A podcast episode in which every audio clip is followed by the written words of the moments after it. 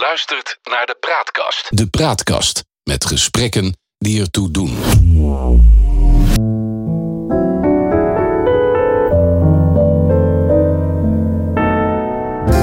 Welkom bij de Praatkast.nl. Dit is een aflevering van het Geheugenpaleis.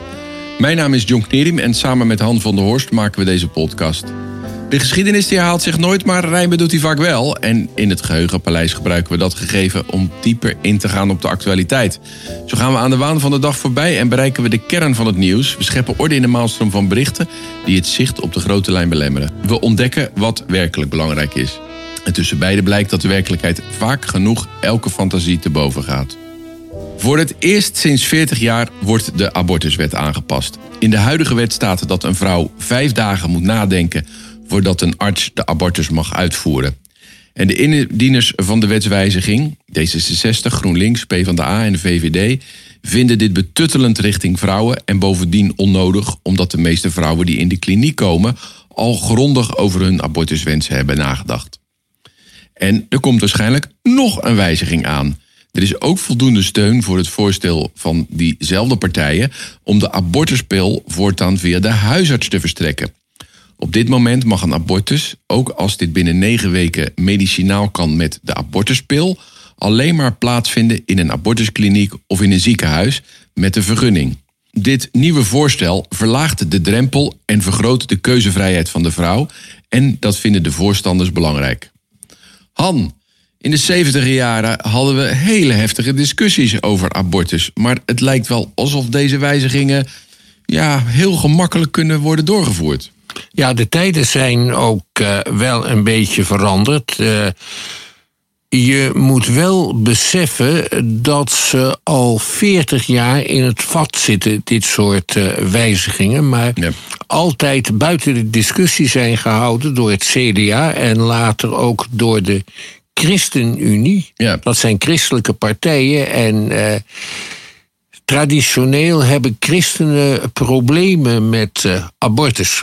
En nu uh, is het zo geregeld dat het een vrije kwestie is geworden in de Tweede Kamer. En dat wil zeggen dat er in de coalities waar CDA en ChristenUnie aan meedoen. Uh, dat daar niets is afgesproken over deze kwesties, dan kunnen CDA en ChristenUnie tegenstemmen zonder dat het kabinet er op grond daarvan ten val komt. Ja, dit is natuurlijk gewoon afgesproken bij de formatie, want anders was het wel een breekpunt geweest. Uh, dat is heel erg duidelijk. Ja. Dus dat betekent dat CDA en de ChristenUnie op dit gebied eindelijk murf zijn geworden, maar het heeft ja. heel lang geduurd. Maar eerst eventjes op, op de bestaande abortuspraktijk uh, in, in Nederland. want eigenlijk vinden er maar relatief gezien heel weinig abortussen plaats. Ja, dat komt omdat uh, in Nederland uh, nogal makkelijk is om aan voorbehoedsmiddelen te komen. Ja. En omdat het gebruik van voorbehoedsmiddelen uh, heel sterk wordt gepropageerd. Dat is ook wel eens anders geweest, maar dan moeten we echt meer dan een eeuw teruggaan. Ja. Dus het betekent dat in Nederland naar verhouding weinig meisjes ongewenst zwanger worden. Ja. En wat me ook altijd is opgevallen, dat in landen waar abortus legaal is, er ook vaak veel minder abortussen plaatsvinden dan in landen waar abortus illegaal is. Ja, want daar zijn uh, meestal allerlei taboes die in de wet verankerd zijn uh, met betrekking tot uh, voorbehoedsmiddelen en met betrekking tot seks voor het huwelijk. En dat betekent want kinderen, eh, laten we zeggen, jongvolwassenen en, en pubers kan je toch niet stoppen. Dat er veel meer ongelukken plaatsvinden. Ja. De gevolgen van die ongelukken moeten dan verholpen worden door uh, wat wij vroeger in Nederland, toen abortus nog echt illegaal was, engeltjesmaaksters noemden. Ja. Uh, vrouwen die. Uh, abortussen konden opwekken, maar dat op een amateuristische wijze deden, zodat. Met breinaalden en zeepsop, hè? Ja, ja en vrouwen kwamen dan. Uh, op zijn beste met uh, zware heupinfecties enzovoorts vanaf. En in het ergste geval stierven ze ook. Ja, dat was heel ernstig. Het was ook ernstig ja. illegaal en een Engelsmaker ja. ging de bijen in. Ja, En dat begrijp dat dat tot in de 70 jaren toch nog wel een keer of 70 per jaar plaatsvond. Eh, Ja. eh, ja, dus dat was best wel, eh, wel heftig. Tegelijkertijd zie je hè, dus, dus nu een, een, een wat vrijere opvatting, aanpassingen in de wet. Maar er is ook een hele sterke stroming van mensen die er tegen zijn, tegen abortus. Ze noemen zichzelf pro-life, want je moet altijd ergens voor zijn. Ehm, en, en die zijn best wel militant geweest de afgelopen 30, 40 jaar. Ja, die durven het de laatste tijd zelfs aan om voor abortusklinieken te demonstreren. Ze eh, hebben websites, ze eh, hebben brochures. Ja. Wat zij proberen eh, te doen is te werken op het geweten van zwangere vrouwen en meisjes door te wijzen op het feit dat ze A. eh, leven vernietigen en eh, B. eh, dat er voor dat leven best een toekomst is. Als Ja. die vrouwen maar willen en als ze maar de hulp accepteren van de anti-abortusbeweging, want daar, die kans zit er ook aan. Ze geven steun aan vrouwen en meisjes die ongewenst zwanger zijn. Nou, dat is toch op zichzelf een hele, hele eerzame gedachte, of niet? Ja, ik, je kan daar betrekkelijk weinig tegen hebben, maar ik eh, vind het toch wel kwalijk eh, dat je morele druk uitoefent op eh, meisjes die toch al zich in een eh, wanhopige situatie bevinden. Ja. De rechter heeft daar inmiddels ook uitspraken over gedaan. Eh, dat, dat het eh, protesteren vlak eh, voor een abortuskliniek niet tot de vrijheid van meningsuiting eh, behoort. En de rechter heeft ook gezegd dat het aanspreken van vrouwen die zo'n kliniek binnengaan. Helemaal niet tot de vrijheid, eh, vrijheid van meningsuiting behoort. maar dat dat echt eh, eh, harassment is. Dat dat echt verboden is ook. Dat is het ook zo. En het is Ja. natuurlijk het aantasten van iemands privacy. Het is Ja. wat anders dan een website in de lucht houden of een brochure verstrekken. Ja, nou heb ik in voorbereiding van, van deze aflevering een aantal van die websites bezocht. En ik moet zeggen, dat zijn wel heel indringende beelden. Waar, daar zie je eh, vruchten, eh, eh, geaborteerde vruchten, hebben ze foto's van gemaakt en die zie je liggen. Het is echt verschrikkelijk. Dat beeld wat ik gezien heb zit echt al uren in mijn hoofd. Ja, dat is waar. Maar een half afgemaakte operatie is ook niet prettig om te bekijken. Nee. Nee. Dus dit is echt propaganda. Ja. dit, is, dit is de bedoeling om jou emotioneel te treffen. Ja. Dat is in mijn geval goed gelukt, eh, eh, moet, ik, eh, moet ik zeggen. Alhoewel ik, voordat daar misverstanden over gaan ontstaan, ehm, ik de autonomie van de vrouw in deze en de keuzes die zij eh, eh, wenst te maken, eh, eigenlijk veel belangrijker vind dan wat ik er dan zo toevallig van vind en wat ik me daarbij voel. Dat lijkt me wel een heel belangrijk uitgangspunt. Ja, en daar heb je ook groot gelijk in. En aan de andere kant moeten we abortus natuurlijk niet bagatelliseren. Het is niet iets om te vieren en als een vaandel voor je uit te dragen als toonbeeld van vrouwenbevrijding. Het is een. eh, een, eh, een rampzalige oplossing Ja. eh, voor iets wat van het begin af aan al een ramp was. Het is niet prettig, het is niet leuk, het is emotioneel heel erg eh, zwaar. Je moet er inderdaad heel goed over nadenken. En eh, vrouwen en meisjes hebben in dat geval geen behoeftes aan eh, allerlei missionarissen en zendelingen die het voor hen alleen nog maar moeilijker maakten. Precies, die drempel is best hoog. Want ja, als het mij al raakt en een hele hoop andere mensen raakt, dan kan ik me voorstellen dat als je in zo'n positie zit, dat je ongewenst Ja. zwanger bent, dat Ja. het helemaal heftig is om dat, tot dat besluit te eh, komen. Ik moet trouwens denken ook aan mijn, eh, aan mijn oude katholieke verleden. ja. En aan het feit dat rijke zwangere meisjes door hun ouders wel naar bepaalde nonnenkloosters werden gestuurd. Ja. Waar dat kind dan of ter wereld kon worden gebracht, maar waar in sommige gevallen toch ook best wel een abortus mogelijk was.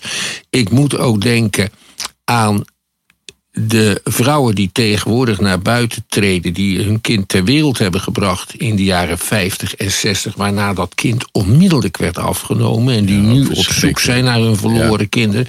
Dat is allemaal eh, het verleden van eh, deze anti-abortusstrijders. En die zouden ook eens moeten beginnen met dat verleden te verwerken. Daar ben Ja, ik van overtuigd. Ik moet ook aan Wim Kan eh, eh, denken, die eh, daarover zei, over de katholieke kerk. Ja, als je de sport niet beoefent, moet je je ook niet met de spelregels bemoeien. Nou, dat, dat is ook zo. Nou blijkt inmiddels dat de sport zeer uitvoerig beoefend wordt. Zij het Ja. met de voordeur dicht en de ramen gesloten en de gordijnen ook dicht. Precies, ja, de hypocrisie ten top eh, binnen de katholieke kerk, zoals zo vaak. Goed, even terug eh, naar eh, het moment dat het zeg maar min of meer gelegaliseerd werd. Want ik begrijp dat abortus altijd illegaal is geweest. Ja, eh, het was een misdrijf, eh, gelijkstaande eh, aan kindermoord. In 1911 is een verbod op abortus nog eens een keertje expliciet opgenomen in de zedelijkheidswet van minister uh, Regou, die pornografie tegelijkertijd buiten de wet stelde, het gelegenheid geven tot prostitutie verbood. Dus het, het was de engeltjesmakerstijd. Het was ook een tijd dat kerken, ook heel gematigde kerken, alles verboden wat met eh, contraceptie te maken had. Dus laat staan eh, abortus. Het is natuurlijk altijd interessant dat een wetgever denkt dat als we het strafbaar stellen, dat het dan ook niet gebeurt. Maar er was een levendige praktijk eh, van eh, abortussen, denk ik. Ja, ondergronds. de engeltjesmakers. En eh, dat leidde tot eh, veel eh, ellende. Ehm, maar daar hebben we jarenlang blijkbaar ja, mee, mee kunnen leven. Maar dan in de zestiger jaren, na de Tweede Wereldoorlog... bij de opkomst zeg maar, van de wat meer vrije seksuele moraal... komt daar ook verandering in. Ja, het is niet voor niks dat dat in de jaren zestig gebeurt. Als jonge mensen ineens massaal gaan samenwonen. En als bovendien de pil gemeengoed is geworden. De anticonceptiepil, die is in 1963 in Nederland ingevoerd. En dan in 1967 is er ineens een echte professor. Professor eh, Ket Kloosterman, die zegt dat hij onder bepaalde omstandigheden wel abortus gewettigd acht. En dat niet alleen in 1967, dat was een tijd van ongehoorzaamheid. Hij voegt ook de daad bij het woord. En hij vormt een commissie van eh, medeprofessoren. En vrouwen kunnen daar zeg maar abortus aanvragen. En dan kijken de professoren of het in dit geval gewettigd is en dan doet hij het. Ja, en, en wat, zijn dan, wat zijn dan gronden waaronder dat gewettigd zou kunnen zijn? maatschappelijke en emotionele bezwaren van grote omvang. Maar hij, Ja, was, beetje hij was er niet makkelijk in. Ja, dat was ook een beetje vaag. Maar dat, dus als de, eh, zo'n vrouw moest voor zo'n commissie aantonen dat het krijgen van het kind ernstiger zou zijn voor alle betrokkenen dan het niet krijgen van het kind. Ja. Dus dat is be- best zwaar. Ja. Het eerste wetsvoorstel om abortus toe te staan is uit eh, 1970 van twee PvdA-kamerleden. Jan Lamberts, dat was een arts. En Hein eh Roethoff, een Ja. eh, bekende jurist. En ja, dat werd eigenlijk meteen van tafel geveegd door het kabinet Jong. Dat kabinet werd door christelijke partijen gedomineerd. En in 1980 is de huidige wet tot stand gekomen, die nu wordt gewijzigd. Hè? En dat was wel een product van eh, het CDA en van de VVD. We hebben het over 1970. Ja. Dat is toch eh, eh, eh, nog niet zo lang geleden, al een behoorlijke moderne tijd. Ik begrijp dat daarvoor in, de, in het Verenigd Koninkrijk er al een wet aangenomen was. Dat is toch ook niet Ja. het, voor, het toonbeeld van progressiviteit daar in Ja, het in, Verenigd in, in Koninkrijk? 1967. En in de praktijk draaien er in Nederland al abortusklinieken. Ja, want dat vind ik nou zo, zo bijzonder. Er, er komt dan een wetsvoorstel om het te legaliseren. Maar er zijn al abortusklinieken. Hoe kan Ja. dat nou? Nou, Nederland is het gedoogland bij uitstek natuurlijk. Hè. Er waren ook coffeeshops in die tijd al. En zo moet je dat zien. Dus eh, er werd niet gehandhaafd. Er zat op een gegeven moment wel een minister van Justitie, die Andries van Acht heette, ons allemaal wel bekend. En die probeerde dat wel te handhaven. Die kreeg te maken met grote eh, maatschappelijk eh, verzet. Eh, hij probeerde een. Eh, kliniek Bloemenhoven, een abortuskliniek, te sluiten. Omdat daar eh, toch wel vrij grote foetussen ook werden geaborteerd. En dat Ja. is een enorm feestelijk eh, protest geworden. Waarbij eh, de feministen dat zich in een beschermende ring om die kliniek gingen opstellen. En het daar Ja. lang volhielden en liederen zongen en zo. En toen werd het een tamelijk feestelijke aangelegenheid. Dat was En de toen- tijd van, ja, eh, van baas in eigen buik met de. Dolomina's. de Dolomina's die waren in zo'n 1970 opgekomen met hun eh, baas in eigen buik leuzes en nog een groot aantal andere leuzes over vrijheid en zelfbeschikkingsrecht van de vrouw. En toen is abortus ook wel een tijd lang een soort vlag geweest. Die je hees als je wilde laten zien hoe progressief je was. En die je neerhaalde als je wilde laten zien dat je van de oude stempel was. En dat is heel vervelend, omdat een discussie, en die discussie moet medisch-ethisch zijn en sociologisch. Die discussie wordt dan politiek en ideologisch en dat leidt nooit tot goede beslissingen. Nee. Maar goed, Van Acht die, die, die ging gewoon de wet uitvoeren. Ja, dan kan je die man toch niet kwalijk nemen. Ja, hij deed dat ook vanuit zijn katholieke levensovertuiging. Ja. Maar goed, hij, hij probeert eh, dan eh, zo'n eh, kliniek te sluiten. Ja. Dat wordt dan uiteindelijk een, een rechtszaak. En die verliest hij dan ook nog eens een keer. Ja. Dat begrijp ik dan niet zo goed. Hij verliest hem omdat ze onzorgvuldig hadden gehandeld. En wat was dan de onzorgvuldigheid? Dat is een beetje een vaag gebeuren ook weer, vind ik. Als je iets de hele tijd toestaat, dan kan je het niet Ja. ineens sluiten. Nou, de- verdenk ik eh, van, van Achter wel eens van eh, dat hij in zijn hart misschien veel progressiever was dan dat hij in het kabinet eh, zich voordeed. Dat zie je Volgens dan mij- verkeerd. Ja, Van Acht heeft net zo'n katholieke opvoeding eh, gehad als ik. En die, was, die had daar gewoon grote problemen mee. ja. De katholieke Ja. kerk tot op de huidige dag beschouwt abortus als een zware zonde. is nooit acceptabel. Misschien een heel klein beetje als, de, als het de vrouw en het kind samen het leven zou kosten of de vrouw. Maar, dat, eh, maar dat is dan ook alles.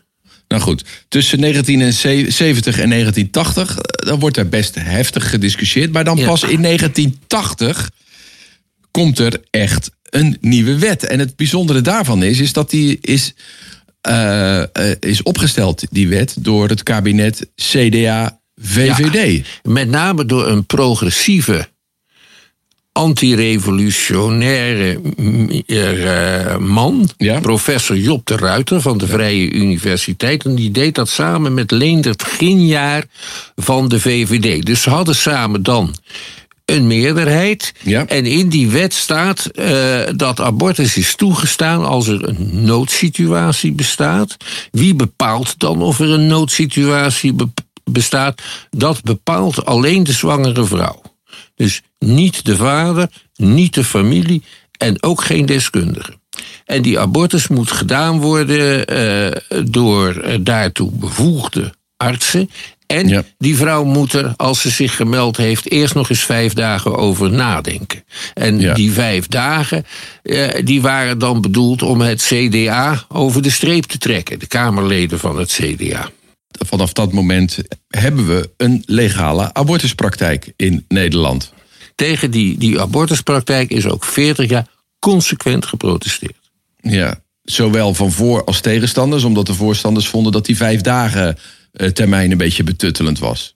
Ja, dat is ook zo. En Ja. ik denk dat die vijf dagen termijn inderdaad betuttelend is. En dat was ook echt, echt zoiets wat je in Nederland zo verschrikkelijk vaak Ja. ziet. Dan eh, kun je er mensen mee over de streep trekken in het kader van een of ander compromis. En Ja. die kunnen dan later zeggen, maar we hebben wel die vijf dagen eh, erin gebracht. En dan zou je eens zien hoe ontzettend veel vrouwen na die vijf dagen van de abortus afzien. Dat is het verhaal wat je Ja. als CDA-kamerlid tegen je afdelingsleden kan zeggen in, eh, aan de basis van de samenleving.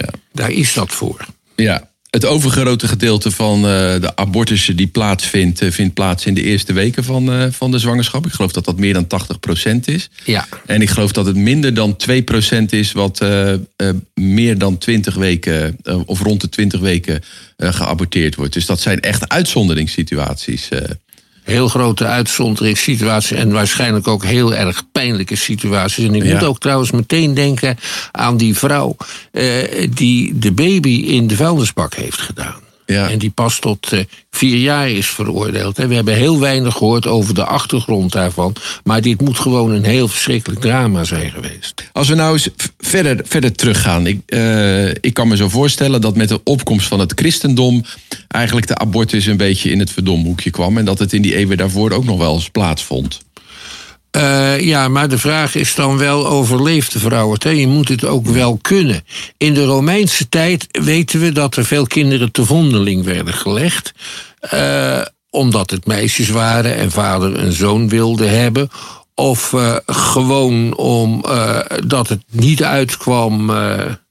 dat er een kind geboren werd. En die eh, legde je dan te vondeling. En soms werden die kinderen ook wel weer meegenomen. En dan had je er voor niks een slaaf bij. Die moest je dan natuurlijk wel een paar jaar kleden en voeden... voordat je die slaaf aan het werk kon zetten. Ja. Dat was het in de Romeinse tijd. En je vindt allerlei eh, verhalen en regelingen in de middeleeuwen...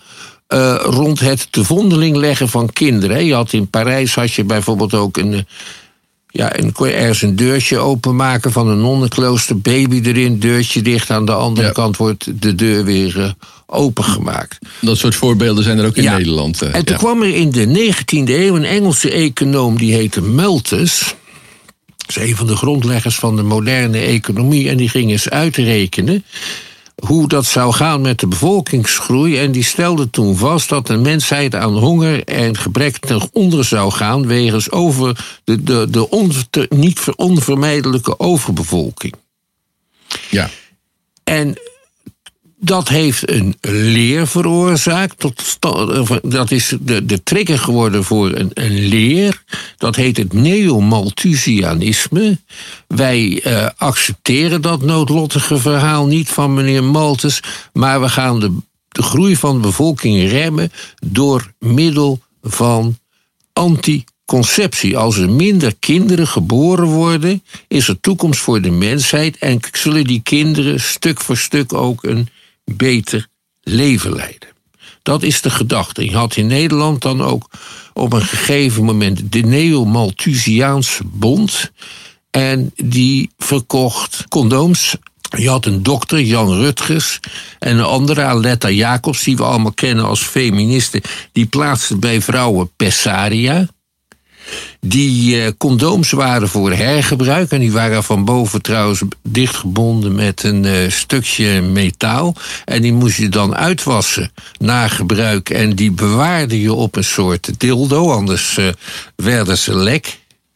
Ja, En- eh, prettig, eh, Ja. ge- prettig verhaal dit. En die Neo-Malthusiaanse bond, als je daar lid van was, nou ja, dan werd je toch wel door het grootste deel van de bevolking eh, tot uitschot bestempeld. Hè? Dus Ja. de post kwam in eh, blanco enveloppes. Advertentietjes vind je alleen in socialistische bladen en heel progressief-liberale bladen. En in de dageraad, het blad van de atheïsten. Dus dat was half ondergronds. Één, dag- één behalve Aletta Jacobs ook nog een andere arts die ik net genoemd had, Jan Rutgers, naar wie de Rutgers Stichtingen zijn genoemd. En dat is zo heel langzaam is dat uitgegroeid tot een steeds grotere beweging. Na de oorlog is de naam van de Neo-Malthusiaanse Bond veranderd in Nederlandse Vereniging voor Seksuele Hervorming. En eh, die had zo rond 1970 echt honderdduizenden leden. Dat was een massaorganisatie. Ja. En die is zo'n beetje. mev- Mevrouw Zelderus Noordanus was daar de voorzitter en de eh, woordvoerder van. Die kwam ook op de televisie om eh, anticonceptie te bepleiten en seks voor het huwelijk enzovoorts. En die NVSH is uiteindelijk eh, ingestort omdat anticonceptie zo normaal en zo algemeen was geworden. En ook omdat die NVSH zich eh, allerlei werkgroepen had waarin seksuele praktijken eh, ruimte kregen, waar je toch wel een vraagteken bij kon zetten, met name pedofilie. Ja. ja, maar goed, dan gaan we wel erg van, eh, van het onderwerp van abortus af. Maar ja, je ziet dus eigenlijk vanaf de, de tweede helft van de vorige eeuw een langzame ontwikkeling in de maatschappij. waarin abortus uh, en abortuspil meer en meer geaccepteerd wordt. En er is nu uit opiniepeilingen blijkt dat ook een grote meerderheid van de Nederlanders. die vindt dat abortus uh, mogelijk uh, moet zijn. Dus in die zin sluit het aan wat nu gebeurt in de Tweede Kamer. Ja. bij wat de gevoelens zijn uh, in, het, in het land. Ja, en dan te bedenken dat een jaar of zestig geleden, toen ik een jaar of acht was. ik bij mij thuis kalenders zag hangen met kruisjes erop. Want de Ja. enige vorm van anticonceptie die de katholieke kerk toestond, dat was de periodieke onthouding. Ja. En ik denk dat mijn ouders daaraan deden, want ik had maar één broertje. en dan te bedenken, Ja. toen ik geboren werd, kwam meneer de deken persoonlijk op bezoek om mij te zegenen. En die ging daarna vrij snel weer weg naar die zegen. En dan riep hij op de trap tot volgend jaar. Ja, ja dat was eh, toen eh, het gebruik eh, Ja. natuurlijk. eh, ja. Ehm, en veel mensen vonden toen de kerk een zinkend schip. eh, dus die gingen voor het zinken de kerk uit. eh, Voor het zingen de kerk. uit. Dat, mo- dat mocht niet, dat was zonde. Hè? Dat mocht Oh, dat was al zonde. Oké. Staat ook in de Bijbel. Onan Ja, ja. heeft dat gedaan en die overleefde het niet. Ja. Nou goed, dat is alles met, te maken heeft met, eh, met, ja, met anticonceptie en met abortus. Een laatste ding. Wat ik bijzonder vind is dat eh, in, in die wet eh, de vader geen enkele rol speelt bij de abortuswet. Dat vind ik een beetje discriminerend. Dat is uit de tijd van het feminisme. En dat is duidelijk de invloed van eh Dolle Mina. En daarna van de rode vrouwen in de PvdA. Wat een heel machtige beweging is geweest. En die hadden een leuze vrouw beslis. Ja. Maar zou het nou niet iets moeten zijn wat de, de, de, de man en vrouw samen moeten beslissen? Dat hoort toch ook een beetje in deze tijd? Nou, als het, eh, als het goed gaat wel. En ik denk dat dit ook in heel veel gevallen eh, samen wordt beslist. Aan de andere kant zou ik er toch ook geen voorstander van zijn om eh, een man medebeslissingsrecht te geven. Stel je voor dat je, bij de, dat je moest gaan vertellen bij de abortuskliniek: A, wie is de vader? Of vader, de vader moet mee. En die moet ervoor tekenen dat hij het goed vindt. En als die niet tekent, dan moet de vrouw het kind ter wereld brengen. Dat lijkt me geen lekkere situatie. Nee, maar ik vind het toch, ik begrijp dat je dat zegt, maar in deze tijd, in een evenwichtige tijd, zou ik toch vinden dat de positie van de man wat eh, meer eh, op de voorgrond ook zou moeten treden. Ik vind het gewoon niet helemaal fair eh, als ik dat Ja, zo en dan, je kunt het ook omdraaien dan. Ja. Hè? De vrouw wil het kind houden, maar die man zegt: Ik wil dat niet. Ja, dat zou ook kunnen, ja. Ja, Vind je dat een goed idee? Wat denk je dat de gevolgen zouden zijn als dat in de wet stond? Nou, kijk, waar het mij om gaat is hoe je dat in de wet vormt zet, is er weer een tweede. Dat, dat ehm, eh, ben een groot feminist, vind ik zelf. Daar zullen de vrouwen anders over denken. Ja. Eh, maar ik denk dat dat twee kanten heeft. En dat dat betekent dat je ook de rol van de man in deze eh, ja, wel moet benoemen. En daar ook iets met elkaar over moet afspreken. Dat zou ik fair vinden. Dan heb je het pas echt gelijkwaardigheid tussen man en vrouw. En wat je dan ook natuurlijk hebt, is de verantwoordelijkheid voor de man voor de opvoeding van dat kind, in ieder geval financieel. Zeker, zeker. In Amerika is dat eh, heel duidelijk geregeld. Als jij daar, als jou het vaderschap wordt vastgesteld, dan moet je ook een bijdrage leveren aan de kosten Ja. van de opvoeding van het kind. Ja, dat lijkt me ook terecht. Nou goed, maar dit is misschien iets voor een volgende keer eh, om daarover eh, eh, door te praten. Voor nu moeten we het hierbij laten. Tot zover deze aflevering van het Geheugenpaleis. We maken dit in samenwerking met depraatkast.nl. En de uitzendingen zijn te vinden op de website van de Praatkast, www.praatkast.nl. Maar je kan je natuurlijk ook abonneren op onze podcast in je favoriete podcast-app. Dan krijg je automatisch een bericht wanneer de nieuwe aflevering online komt. Vertel je vrienden over ons en laat ook een beoordeling achter, want dan kunnen we nog beter worden gevonden. Wil je ons mailen? Stuur een bericht aan info.praatkast.nl. En op de Praatkast zijn nog veel meer podcasts te vinden van de Praatkast. Bijvoorbeeld in Nu is Later. Ben je geworden wat je wilde worden en waar wil je nu heen? Victor Chevalier interviewt mensen met een verhaal. Helden in hun vakgebied en vaak bekende mensen. Nu is Later is te beluisteren op www.praatkast.nl. Voor nu bedankt voor het luisteren en tot een volgende keer. Wees gelukkig, blijf gezond.